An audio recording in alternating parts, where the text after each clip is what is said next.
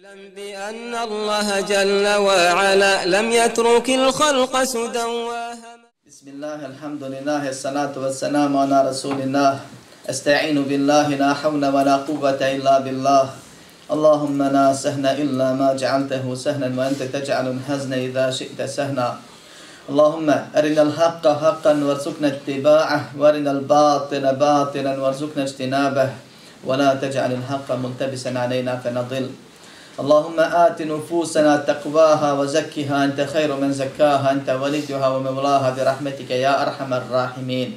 ربنا لا تزغ قلوبنا بعد إذ هديتنا وهب لنا من لدنك رحمة إنك أنت الوهاب. اللهم اجعلنا هداة مهتدين غير ضالين ولا مضلين. اللهم إنا نعوذ بك من مضلات الفتن ما ظهر منها وما بطن.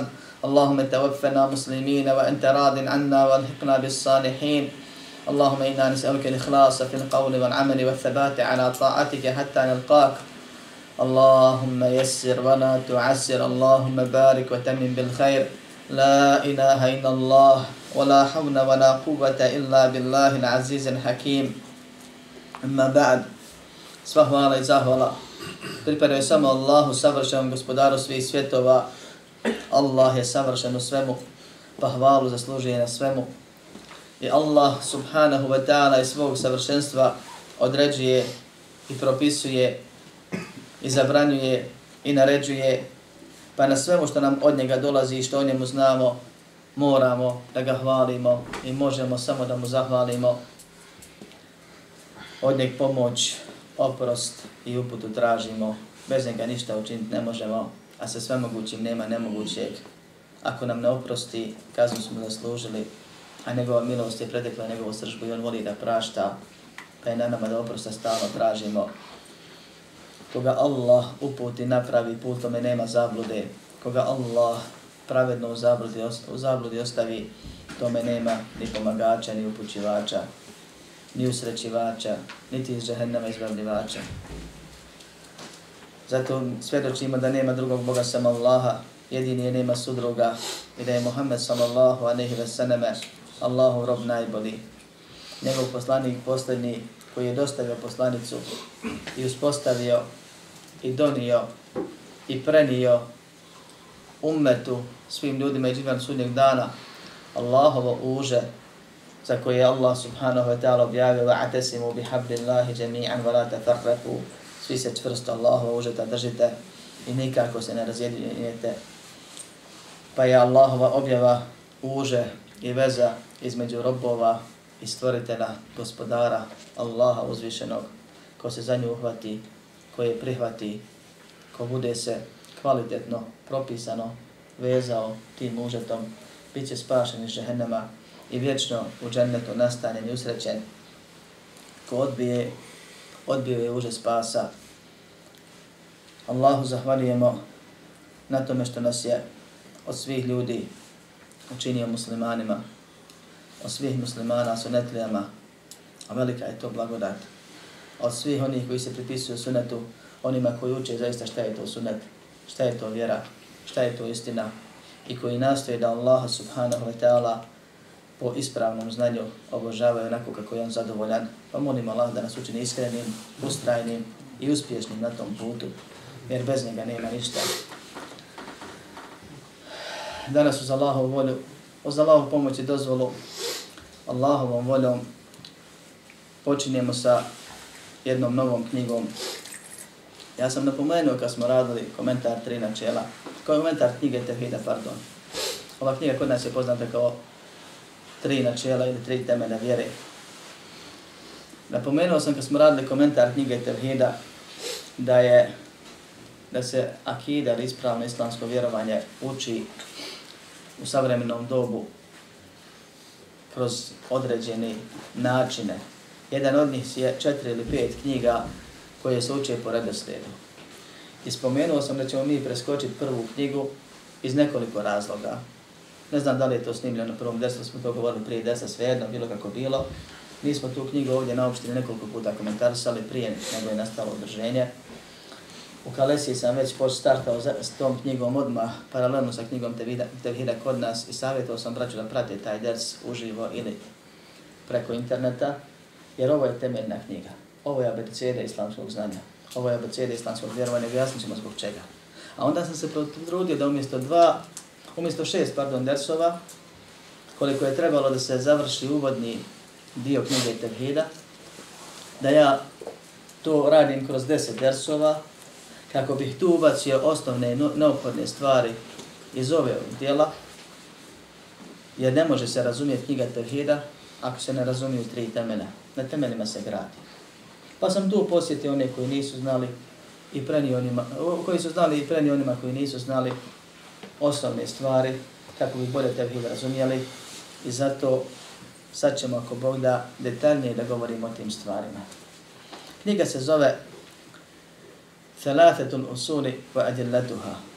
Tri temere, tri osnove i njihove, njihovi dokazi. Poznatija je danas kao al usulu thanate ili usulu thanate, ko što kažu skraćeno, i to je kao što kaže šeheh Salih al šeheh, neispravan naziv. Znači nije stvar samo zamjene radosleda, tri temelja, temelja tri, nego je neispravan naziv, naziv ali ne smeta terminologija pitanja, znamo na što se odnosi. Zašto je neispravno? Zato što šejh, autor Muhammed Rahimahullah, kad je pisao ovu knjigu, napisao njen sažetak. Napisao knjigu pod nazivom Tri temelja njihovi dokazi. Pa je napravio tri uvoda, pa je detaljno pojasnio tri temelja i onda je još spomenuo stvari koje su nužne od vjere da se razumiju. A onda je, da bi lakše bilo, svarit običnim masama koja, kojima je ova knjiga čitana na namazima redovnije, posle namaza, posle sabaha svakog dana ili posle kindije svakog dana u svim džamijama. Da, da bi bilo znači svatljivije i djeci maloj, onda je srž izvadio i napisao u suru Thanate samo tri temelja. Bez ovih uvoda i naknadnih pitanja. I zato je ispravljen se zove Thanate Usul na arapskom ili tri temelja i njihovi dokazi, a ne samo ovaj temela tri, kao što je običaj da se govori čak i među studentima i čak među nekim komentatorima, pa čak i ovdje, znači knjiga koju ja komentarišem, gore ovaj stoji temelja tri, jer je to običaj, nastalo je tako i ljudi prenose. Ovo moram spomenuti zbog imanata znanja, a inače vas se to plaho ne tiče uopšte, o, tako da završit ćemo i ovu stvar kratko i da opet vidimo koliko se Olema trudi da precizna bude u dostavljanju vjere s jedne strane sa dokazima i u prenošenju znanja od učenjaka prethodnih. Jer mi se možemo pohvaliti jedini da imamo u vjerovanju, a ne samo u Koranu i Hadisu, lanac prenoslaca do poznanika Muhammeda sallallahu alaihi wa sallam i da je taj lanac sačuvan, dokazan i da ono što mi prenosimo i govorimo sad, to je vjera Ebu Bekra i Omera i Osmana i Alija radijallahu anhum, i ashaba i tabina i tabi tabina, oni koji su to prenosili skoro na kolena, otac sinu, sin unuku, učenak, učenjak učeniku, sačuvane je dijelima i dijela su prenešena sa pismenim dozvolama i sa usmenim ocjenama i potvrdama. Naučiš na pamet, pa te presluša, pa te ispravi zaraze, pa ti potpiše da si ti preuzeo od njega to znanje. Dok Allah nije dao se jave štampari, da se više raširi, pa sad to, taj, ta formalnost toliko nije bitna i dan danas postoje ljudi koji to rade. Da bi se sačuvalo originalno znanje. I dan danas postoje takozvane teskije, odnosno i džaze. I dan danas postoji ispiti određenim naukama, pa i ovim knjigama.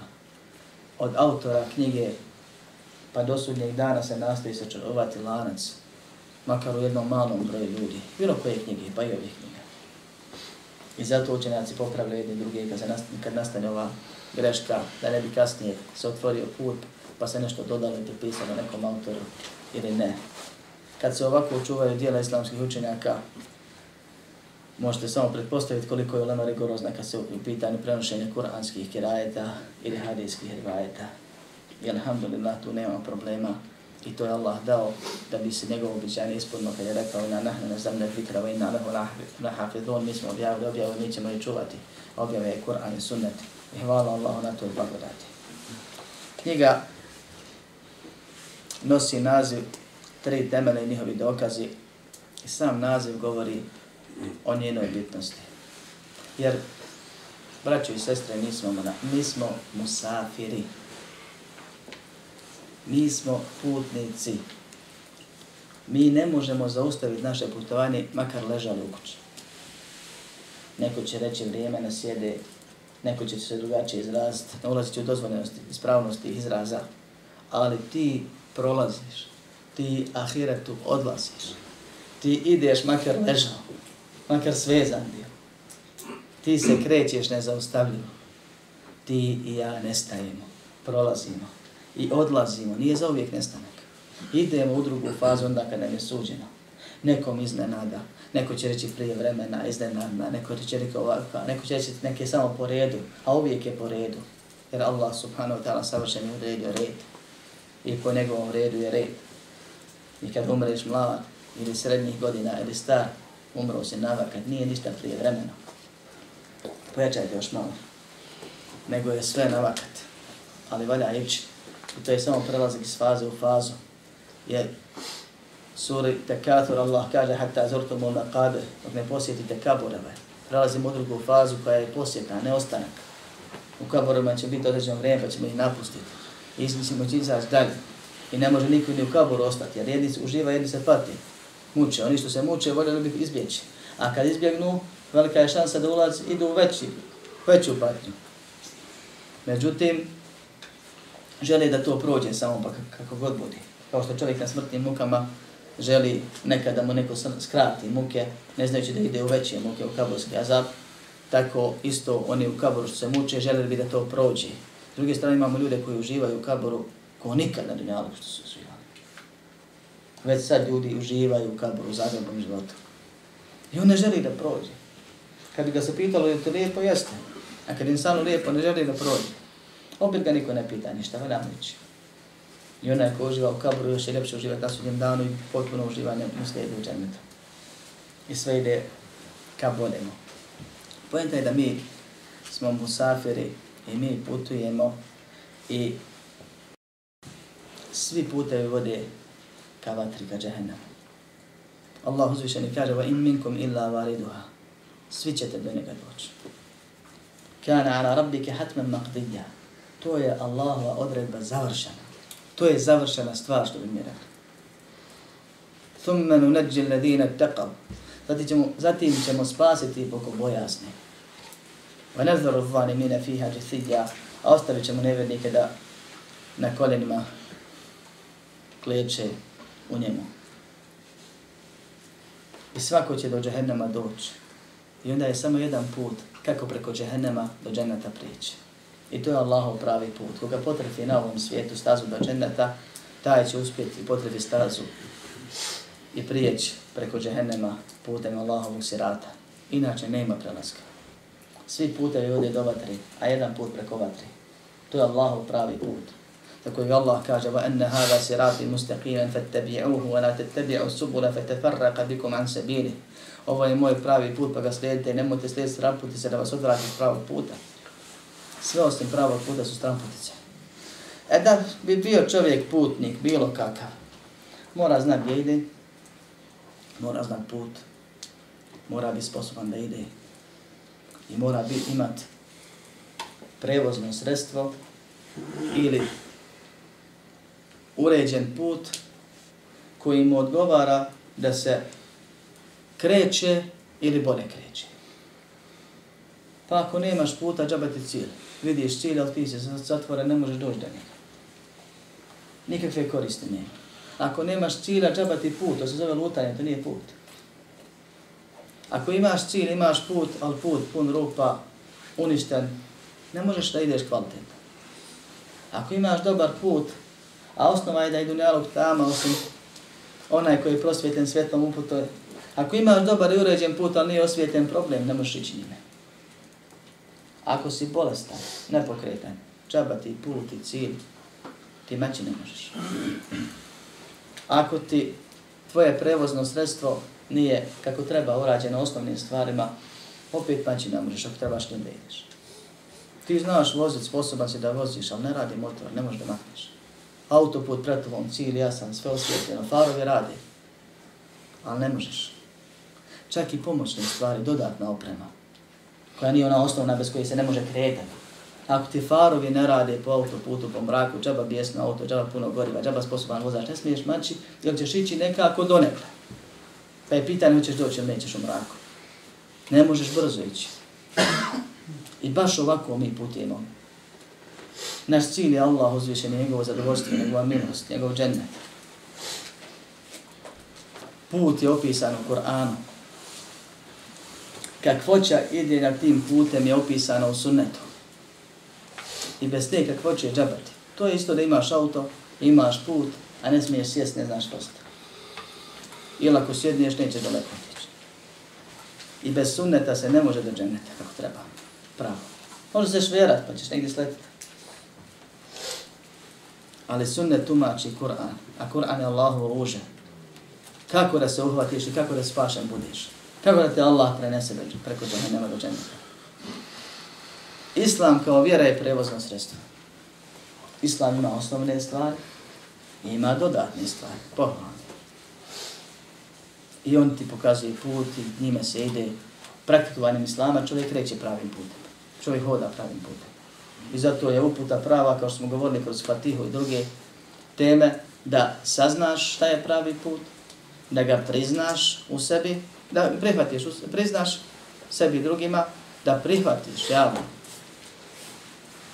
da primjenjuješ i na tome dosmo ti ustraješ.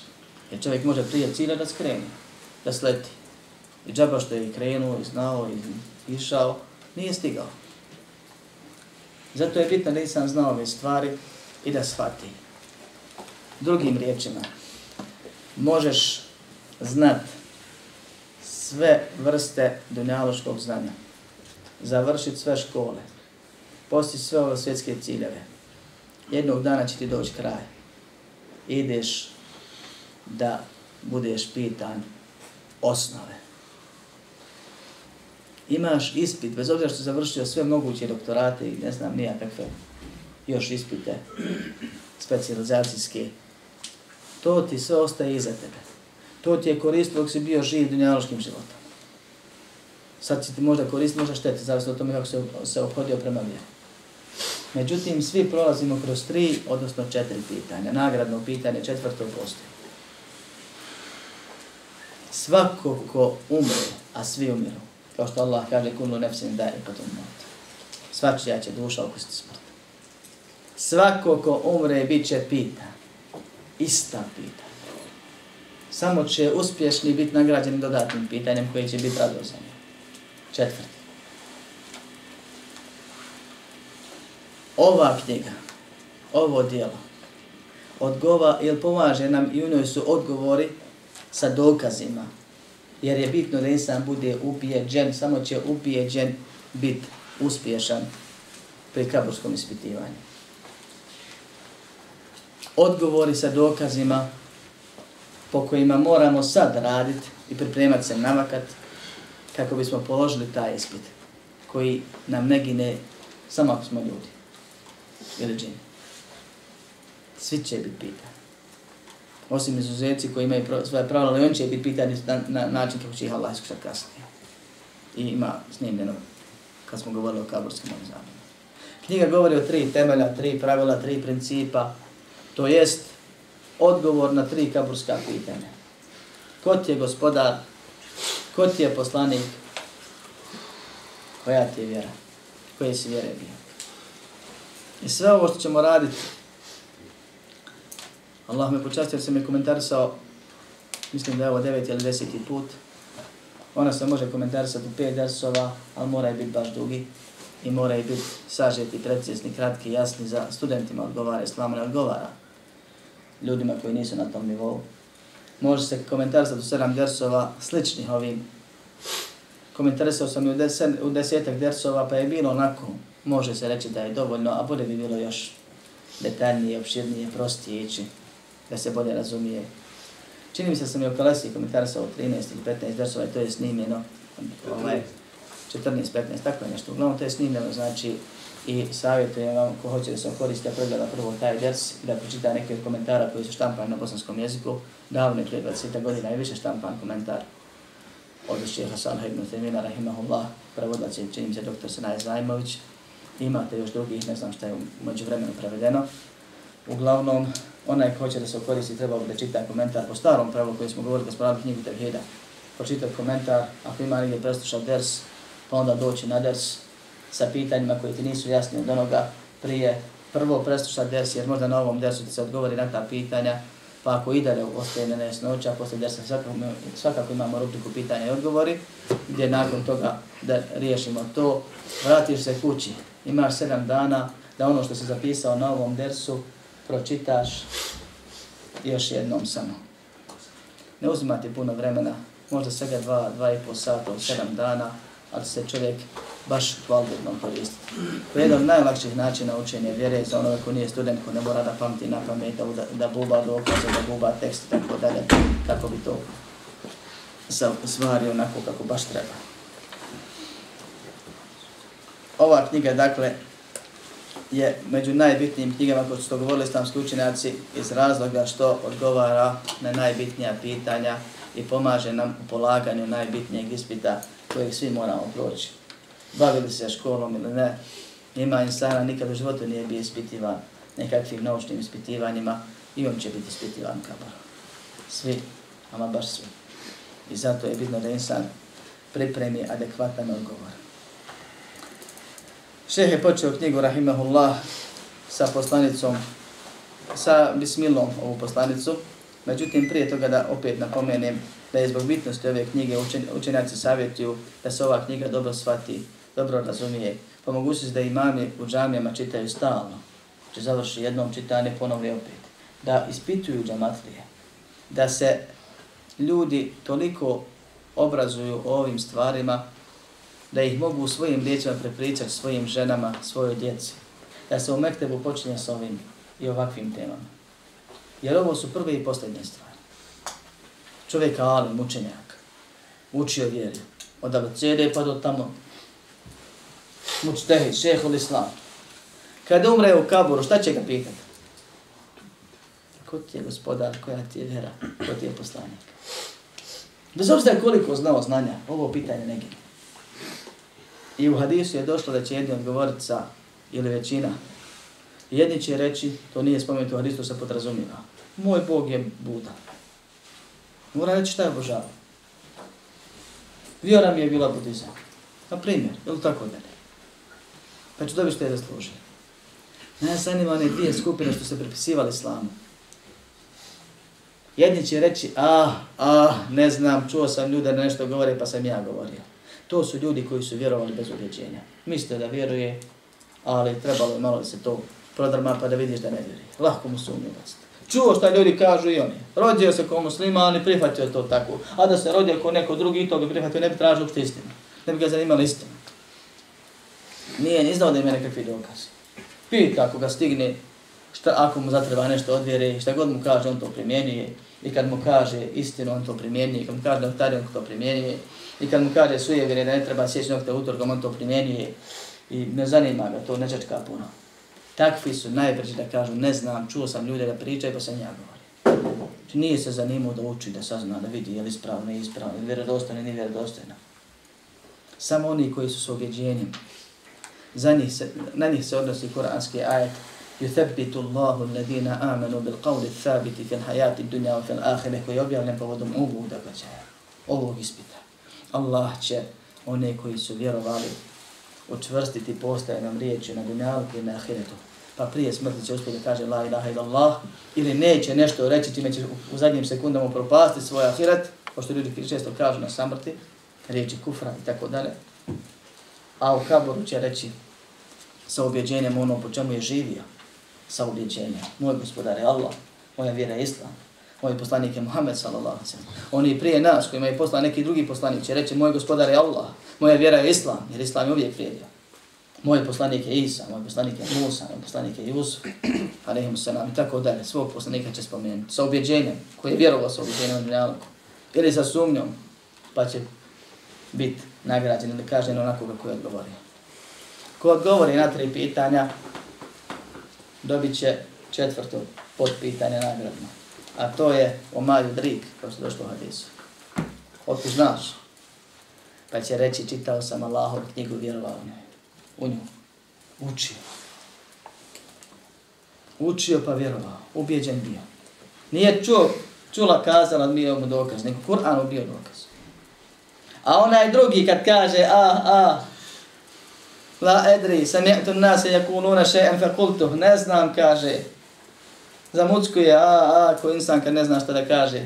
Pa kaže na kraju, ne zna, ne da mu se, nije ga Allah učvrstio, strah. Treba što je govori nešto na ovom svijetu. Najteži odgovor je taj. Jer će samo ubijeđen odgovoriti. To ne odgovara pamet samo. Odgovaraš ti kao osoba, kao ličnost. Kao vjernik ili monafik ili nevjernik. Kao vjerenik ili samo onako nekakav što je mislio da je vjernik. I zato tad će reći, čuo sam ljudi da kažu nešto pa sam ja govorio. Pa ćemo se reći umjesto pod pitanja, ma derej, ma telauta, ma derej, ma derej to, ma telauta.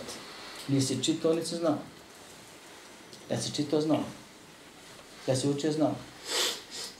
Zato je nužno da se uči. Zato su učenjaci pisali i prenosili znanje. I bez obzira što su ovo elementarne stvari, šeh počini ovu poslanicu sa bisminom. Jer je Allah subhanahu wa ta'ala kuranske ajete sure počinjao sa bismilom. U osnovi su meni izgledaka poznati da se ne ponavljam stalno svaki put kad počinjemo knjigu. Jer je poslanik sallallahu aleyhi wa sallam svoja pisma počinjao sa bismilom. Kad je pisao vladarima, kad je pisao naredbe i tako dalje, počinjao bi sa bismilom. Sa recima bismillahirrahmanirrahim sa, Allahovi, sa imenom Allaha svemilosnog, milostivog. Šta? Jel osjetite da fali ovdje nešto? Da je nepotpuna rečenica.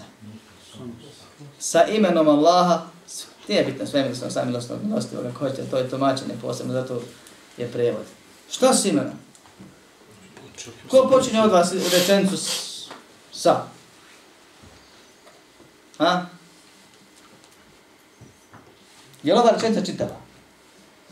Ja ti kažem, s Božjom pomoći. I ti sad čekaš. Pazite, bismila počinje i završava. S imenom Allaha, sve samilosnog. Na primjer, pošto je najčešće. Jer mi ono, ne, nije bitno ovo, ne fali tu ništa. Fali nešto prije. Šta? Počinjem, radim, jedem, pijem, ono što hoćeš. I zbog čega učiš bismilu, to se podrazumijeva. Tako si uzeo da jedeš i rekao bismillah, to znači jedem sa Allahovim imenom. Ili jedem spominjući Allahovo ime. Što će nam Allahovo ime? Bereket samo. Znači kad jedem, da se dobro najedem, jel? I pomoć. Bereket i pomoć nemojte zaboraviti, jer ništa ne možete ni početi, a kamo li završiti ako Allah ne pomogne. I možete početi završiti, da od toga nemate nikakve koriste ako Allah ne da bereketa u tome. I zato se bismilom i bismilatom traži pomoć i bereket. I zato nam je potrebna bismila. I autor počinje da priča osnovne stvari o vjeri, tražeći od Allaha pomoć i bereket. I Allah ga je pomogao da u kratkim rečencama sastavi remek dijelo, bez kojeg je teško nakon njega objašnjavati ljudima ispravno islamsko vjerovanje. A moguće je da i prije toga bilo samo na drugi način. Ali se nam je olakšao put skratio i dao je bereketa da se stoljećima nakon njega čita je, čitava i širi ovo što je on spomenuo. Počeo je s bismilom, od Allaha pomoć i bereketa tražio i očito je, je dobio rahimahullah. Zatim kaže i počine bez uvoda hvala i salavat i ostalo preskače su teme nužne, bitne. Pa ovo je jedan od načina Znači, može se početi sa hvalom i salavatom, može se početi s bismilom i obično se počinje sa kraćim kad je nešto bitnije, da, da, da onaj ko sluša osjeti da je nešto nužno, da je nešto bitno. Kao da kažeš, nema vremena za, za puno uvoda, da priđemo na stvar jer, jer je nužno. Pa kaže, i'lam rahimaka Allah, znaj, Allah ti se smilovao. Allahi, ovo rečenice se mogu dersovi držati. Ovo običaj islamskih učenjaka.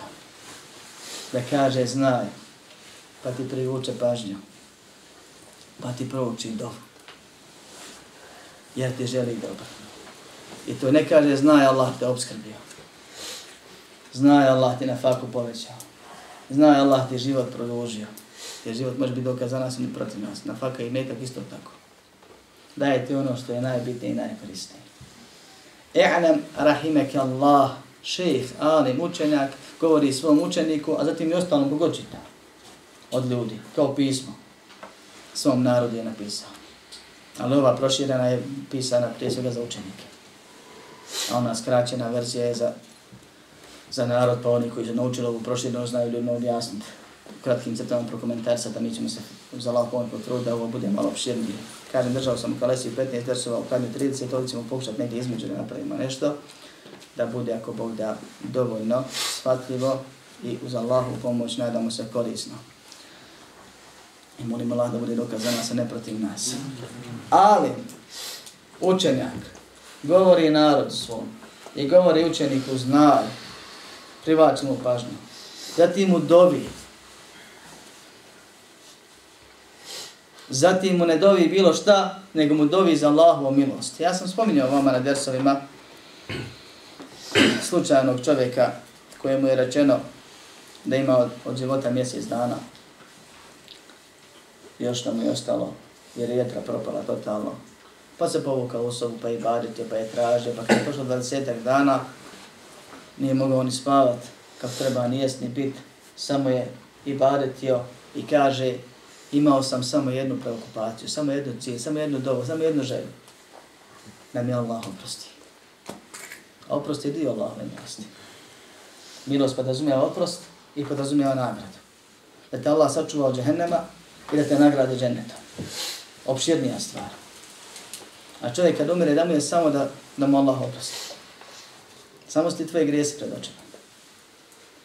Ja znaš da si kaznu zaslužio. A šeheh ne kaže, zna Allah te oprostio. Ne kaže, zna Allah te smilovao. Jer se radi o učenjaku. I daje ti više. I ovaj odnos islamskih učenjaka prema učenicima, gdje čovjek posvjeti svoj život i naučio vjeru, samo da bi pravilno vjerovao i drugima širio. I da bi drugi žehenema čupao Allahom dozvolom. I da drugi, bi drugima bio uzrok u džennet da uđu. Ovo ne, ovaj fenomen ne postoji osim islamu. Ne tražeći od njih ni hvale ni zahvale. Svoj život je usmjerio ka tom putu, a to je jako trnovi put, da bi koristio ljudima. I nalazi načina kako da im pažnju privuče, kako da ih okupi, kako da im dostavi, pa im drži drse, pa im piše knjige. Pa u knjigama kaže, znaj, pazi, pa mu dovi, jer mu dobro želi. I to ne koje je dobro. Najveće i moguće dobro.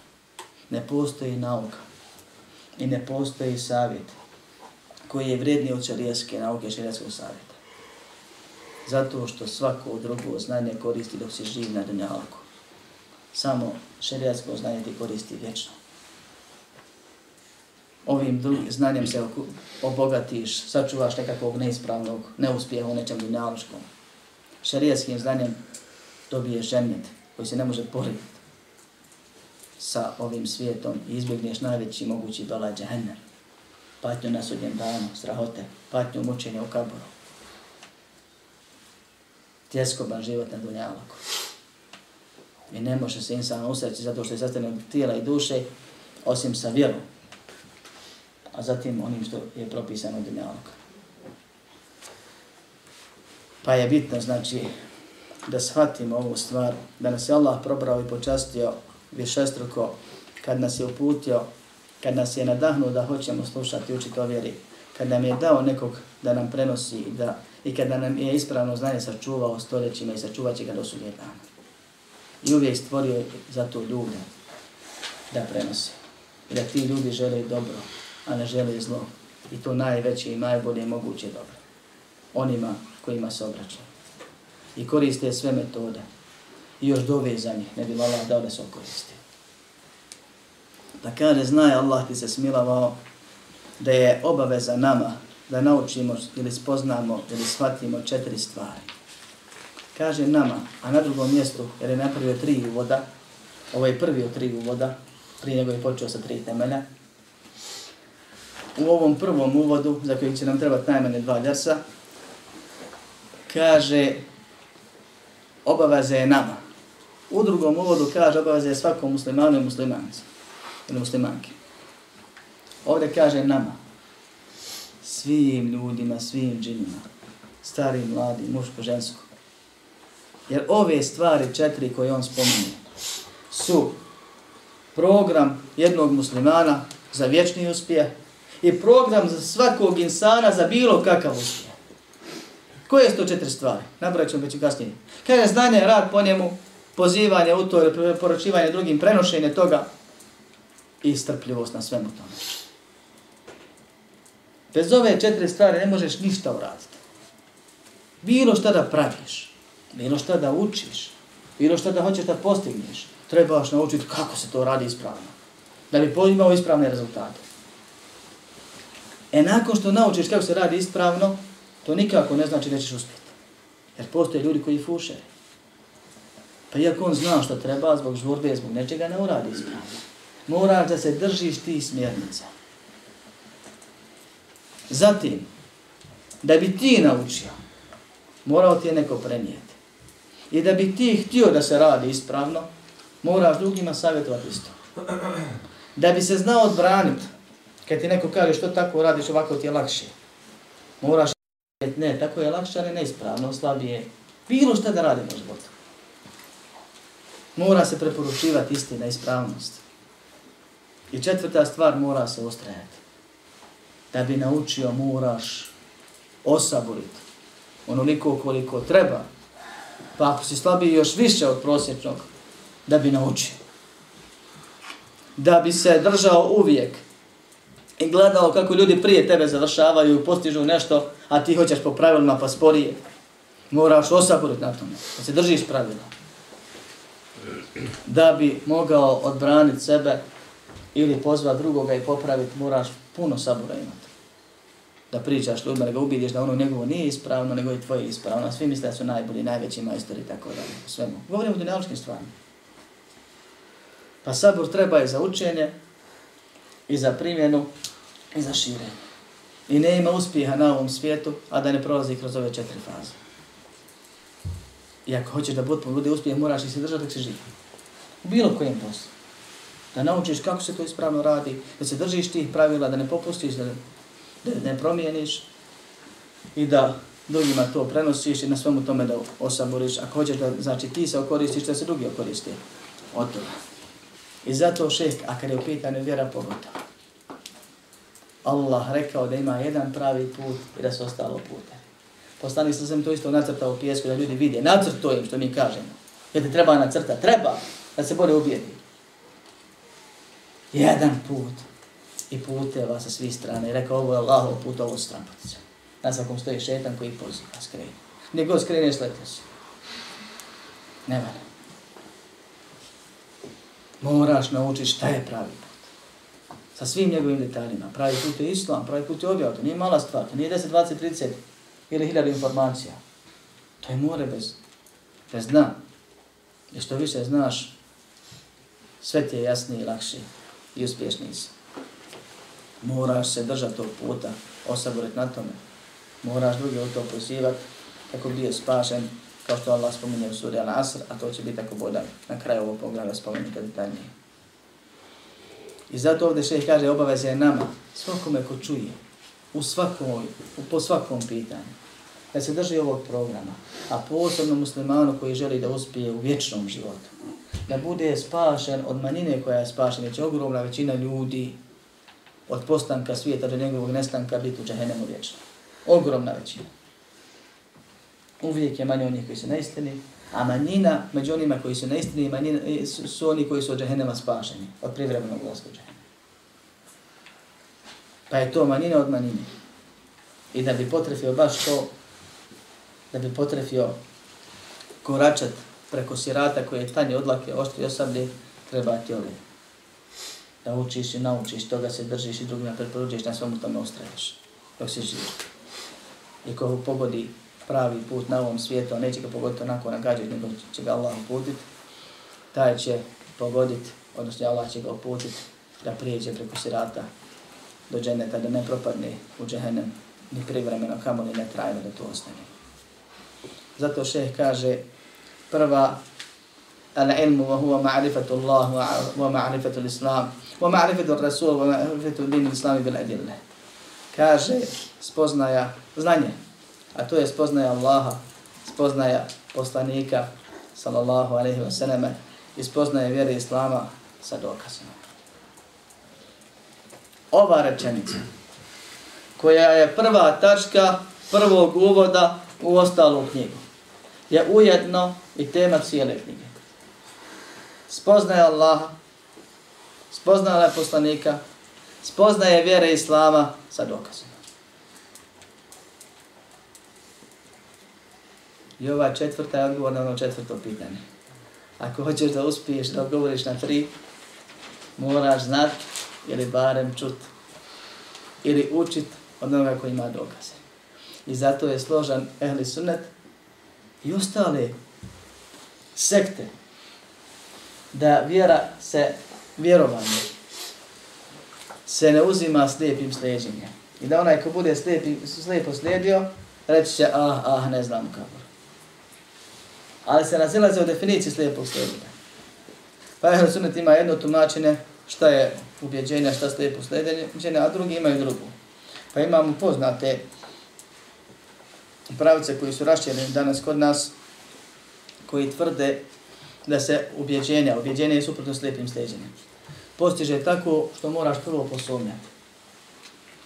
Pa istraživati, pa se ubijediti, analizirajući, razmišljajući, pa onda s ubjeđenjem povjerovati. Znači da dušu uvjeru i da bio musliman, rezultate moraš prvo izaći iz vjerom. Neće reći posumnjati. Neki su rijetki od njih rekli. On će reći znači, moraš tražiti, gledati dokaze. Dok ne postigneš ubjeđenje. Šta je prije ubjeđenje? A? I ne nevjerovanje ili sumnja. I ne nevjeruje nikako, ili sumnja možda jest, možda nije. Kad se ubjedim, onda vjerujem. Čim ti kaže moraš tražiti da bi se objedio, znači moraš sumnjati. To je očita zabuda. Allah od nas traži da mu povjerimo ono što nam je usadio instinktivno da moram, da nam godi. Da kažemo la ilaha in Allah. I da pogledamo i čujemo ostale stvari i to u kuransko-hadijske dokaze ili da učimo vjeru od nekoga ko zna dokaze. Pa kažu islamski učenjaci, kada je u pitanju učenjak ili učenik, a tri su kategorije ljudi nas prvi islamskog znanja, učenjak, učenik i ostali ljudi. Svijet, narod. Kada je u pitanju učenjak, on mora da gleda u dokaze da izlači iz njih propisa. Kada je u pitanju učenik, to je muštehid. Kada je u pitanju učenik, a tu spada svaki učenjak koji nije muštehid, odnosno muštehida, ili ostali učenici, poput nas, daja i boljih od nas, slabih od nas, ljudi koji uče vjeru od učenjaka, oni moraju da čuju dokaz, da znaju dokaz i ne mora on znat kako se izlači, može počitati i shvatiti. Uglavnom mora znati dokaz. I treba znat dokaz. Dok ostali narod mora da po jednima, ako je u mogućnosti, makar jednom u životu, čuje dokaz i to je nešto što, se, što je neizvodljivo, kaže islamski učenjaci spravnije mišljenje, da ne mora da čuje dokaz nikad, nego mora učiti vjeru od nekoga za koga zna da zna dokaze. I ako bude učio vjeru od nekoga za koga zna da zna dokaz, on vjeruje u dokaz, ne vjeruje u njega. Pa vama nije Jasmin rekao šta je pravi put, nego ono što sam vam ja spomenuo. I ono što me često pitate kad trebate nekom da objasnite pa ne znate, pa vam ja onda dokaze spomenuo pa što ne znam i potražim način. I tako bilo kod drugi. Čovjek mora znati da ono što kažemo da je ispravno, ispravno je zato što postoji šarijatski dokaz iz objave, iz Korana ili Hadisa. Jer što se, na, na čemu se složila ulema, neće se složila zabud, nego na osnovu dokaza koji postoji. I ne mora čovjek znati svaki dokaz, ali mora znati da ima dokaz i dokaz mora biti dostupan onima koji ga znaju naći. Ne može biti skriven. Ne poznat svima na zemlji. Ne znam, ja zna neko drugi, pa koji ne zna, on će pita nekog drugog, pa će me vratiti. I doći će dokaz. I dokaz postoji za sve. Pa je spozna, vjerovanje sa, post, sa ubjeđenjem da postoji dokaz, još bolje sa poznavanjem dokaza, još bolje sa razumijevanjem načina dokazivanja, To je ubjeđenje i ubjeđenje ima svoje nivoje stepene, može biti slabije, jače, ali ubjeđenje nije sumnje. Neće insan reći, ja vjerujem u meleke, pa kad pročita ajet gdje Allah kaže da imaju meleci, onda ne, Boga mi kaže, imaju meleci. Nema takvih. To nije vjerovanje. Nego to samo poveća objeđenje. Sad znam da ima ajet u Koranu, nisam prije znao, možda je bilo u hadisu. Na primjer. Pa je bitno da insan zna da kad dođe dokaz, da ima dokaz za ono što vjeruje i kad dođe dokaz da mu poveća objeđenje, a ne da mu stvori, da mu proizvede ta objeđenje u tom momentu. Kaže, znanje je spoznaje Allaha, spoznaje vjerovjesnika sallallahu sallam i spoznaje vjere Islama s dokazima. Drugo je rad, po njemu treće pozivanje, četvrto sabor. Nema ovdje medicine, nema ovdje matematike, ekonomije i drugih stvari. Šejh Ode Hamad vuče na svoju branu vode, tako? On uče na islamskih nauka, pa definisao znanje kao šarijasko nužno znanje. Što nije spomenuo ove nauke. Mnogi se bune. I nije im jasno. A učenjaci kažu, ima razlažne kod dileme, ali ispravno na osnovu dokaza šarijasko koji, koji ćemo nešto spomenuti. Da kad Allah u Kur'anu kaže znanje, nauka, traženje znanja, poslani se zemu hadisu, se odnosi na šarijasko znanje. Iz niza šarijaskih dokaza, od kojih je ono što je Allah subhanahu wa ta'ala spomenuo sura Rum, kaže وَلَكِنَّ aktharuhum la يَعْنَمُونَ većina njih ne zna يَعْنَمُونَ ظَاهِرَ min al-hayati ad-dunya wa hum an al-akhirati hum ghafilun zato što znaju kaže površnosti ili detalje vidljivosti po pitanju dunjaluškog života. Ali kaže u ahiretu su nemani šta kaže Allah? Ne znaju zato što dunjalu poznaju a ahiretu ne znaju. To nisam ja rekao da ne nije znanje. To je gospodar svjetova rekao u suri Nur.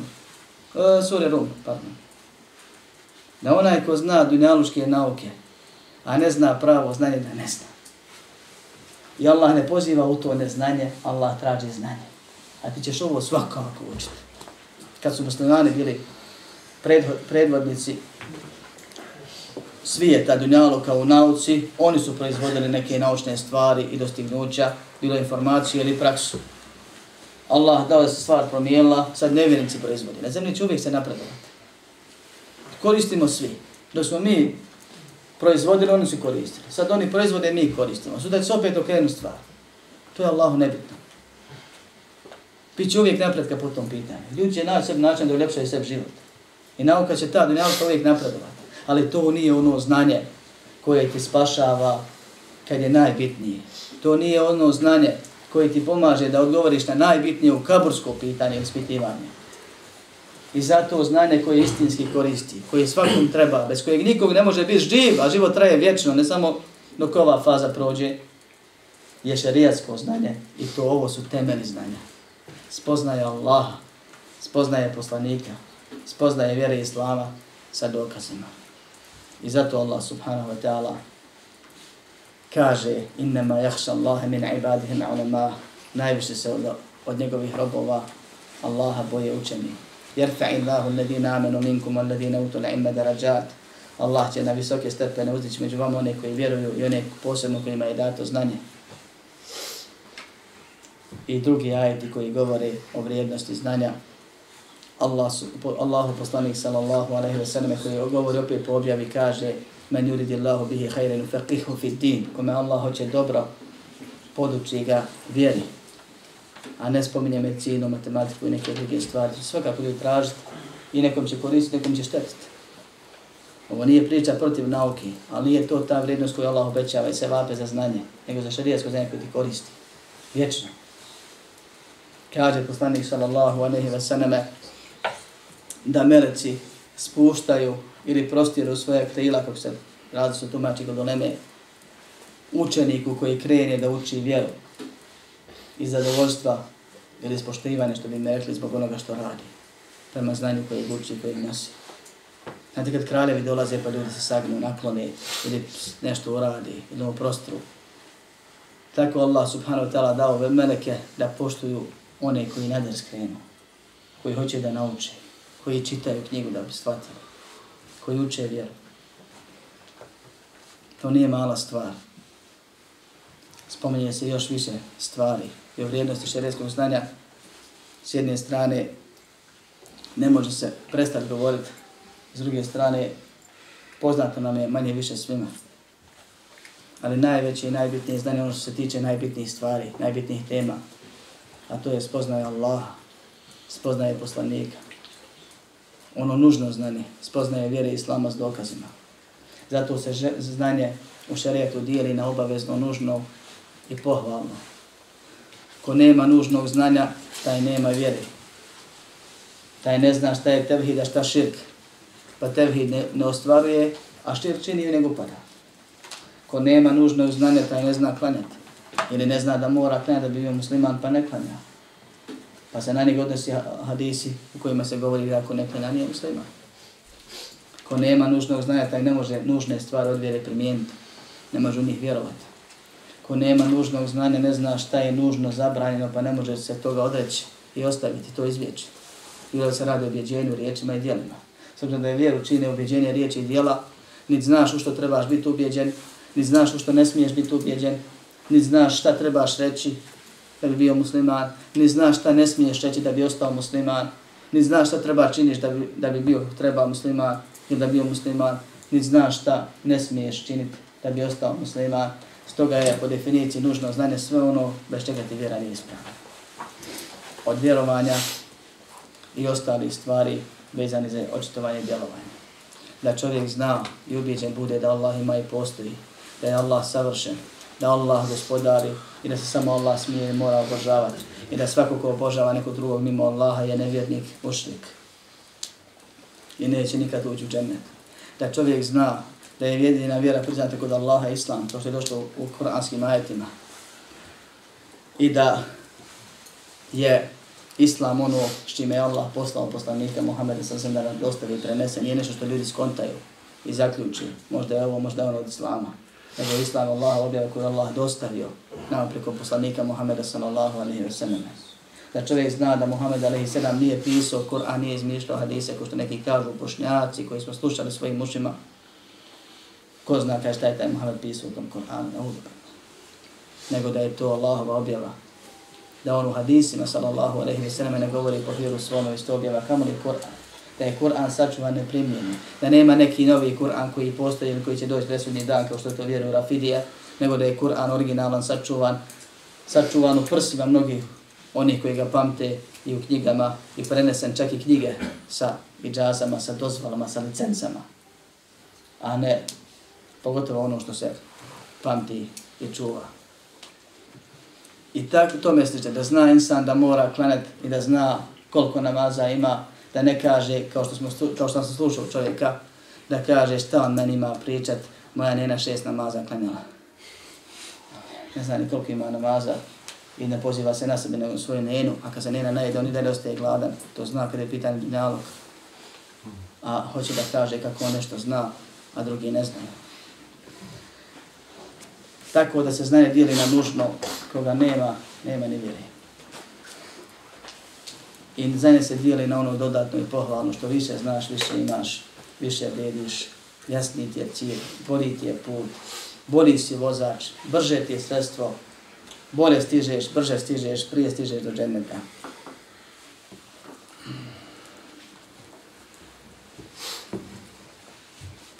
Sljedeća stvar, koja je nužna. A vraćam se na ovo opet jer ovaj ders trajaće malo duže nego što inače. Vraćam se na ovo opet, mislim, sljedećim dijelovima. Ne skirajte se, ubrzo završavamo. Sljedeća stvar koja je nužna i bez koje sva priča o znanju pada u vodu je rad po znanju. Allah uzvišeni kaže Ja juha ledina amenu Nime te ma la tef'anun Kebora maqtana inda Allahe inda kulu ma la tef'anun Ovi koji vjerujete Zašto govorite ono što ne radite? O, kako je Allahu mrsko. Koliko je samo Allahu mrsko. Koliko se Allah srdi i ljuti. I koliko Allah mrzi, to je makt. Makt je sam po sebi žestom. A kaže kebure makt, velika je njegova mržnja ili sržba. Kad se govori ono što se ne radi. I zato, kao što to bileži Ibn Sakir u svom dijelu Tarihu Dimeška, od Fudajla ibn Iyada da je rekao Alim je džahil, učenak je neznalica, sve dok ne bude radio po svom znanju. Pa kad bude radio po svom znanju, Alim biva Alimom. Ili Alim prestaje biti džahilom. Kad je tako sa učenjacima, preče je da bude i sa ostalim. Znanje koliko god da je bitno, a bez njega ne možeš ni ispravno vjerovat, ni neispravno vjerovanje izbjeći, ni ispravno govorit, ni govor neisprava izbjeći, ni ispravno djelovat. Znanje je sredstvo, a djelo je cilj. I zato Allah subhanahu wa ta'ala i ona objeđenja, i one riječi, i ona praktična djela tijela, na sudjem danu naziva djelima. Pa kaže dobra i loša djela. U Kur'anu su spominje, vaga će se djela. To jest i ubjeđenje riječi, ali je djelo najbitnija stvar. I nije bitno vjerovati, poštovati, priznavati, cijeniti. To je radio Ebu Talib. Hamidžat mi za poslanikov pa će biti u vječnom džehennemu, u najblažoj kazni od koje će mu vječno mozak ključati. Da nas Allah sačuva. Vjerovao, priznavao, nije prihvatio. Isto je sa onima koji prihvate i pričaju bez namjere da primjenju. I zato kaže rad po znanju. Znanje je bitno upravo zato što bez njega ne možeš ispravno postupati. A ono je sredstvo za postupanje, postupanje i cijel djelovanja. I dijelo je ono zbog čega ili čime smo iskušani i Allah to naziva dobrim i lošim dijelima, sva naša znači ispravno objeđenja riječi ili praktična dijela, pa prema tome dijelo je najbitnija stvar i koliko god govorili o vrijednosti znanja, toliko svaku tu rečenicu možemo završiti zaraz pa dodat i da se radi po tome. I da to primjenjuješ, i da to izbjegavaš, i zavisi šta spominješ, kada je u pitanju znanja. Jer znanje je sredstvo, a djelo je cilj. I bitno je da insan uči s nijetom, da otkloni neznanje od sebe, a zatim od drugih ljudi, kako bi on postupao ispravno i kako bi postakao druge da postupao ispravno, a ostave neispravno postupanje. Jer je znanje objavljeno zbog djelovanja. Ostane pozivanje i strpljivost, o tome ćemo ako Bog da govoriti sljedeći put. Molim Allah subhanahu wa ta'ala da ovo smo čuli ili posjetili se, jer ovo smo više puta govorili, bude dokaz za nas, a ne protiv nas, i da ovo bude dovoljna motivacija da ustrajimo na ovim drsovima, jer zaista ovdje se kriju odgovori prije svega na najbitnija pitanja, a zatim odgovori za mnoge neispravne ideje koje su prisutne danas u savremenom dobu, pa i ovdje oko nas, vezano za pretjerivanje vjeri ili pretjerivanje u popuštanju. Pa molim Allah da nas učine do njih koji su zaista na srednjem pravom putu i zato dokaze imaju i u tome sumnjaju i potom da djeluju i na tome dosmrti ustraju. Amin. Alhamdulillahi rabbil alamin. اعلم بأن الله جل وعلا لم يترك الخلق سدى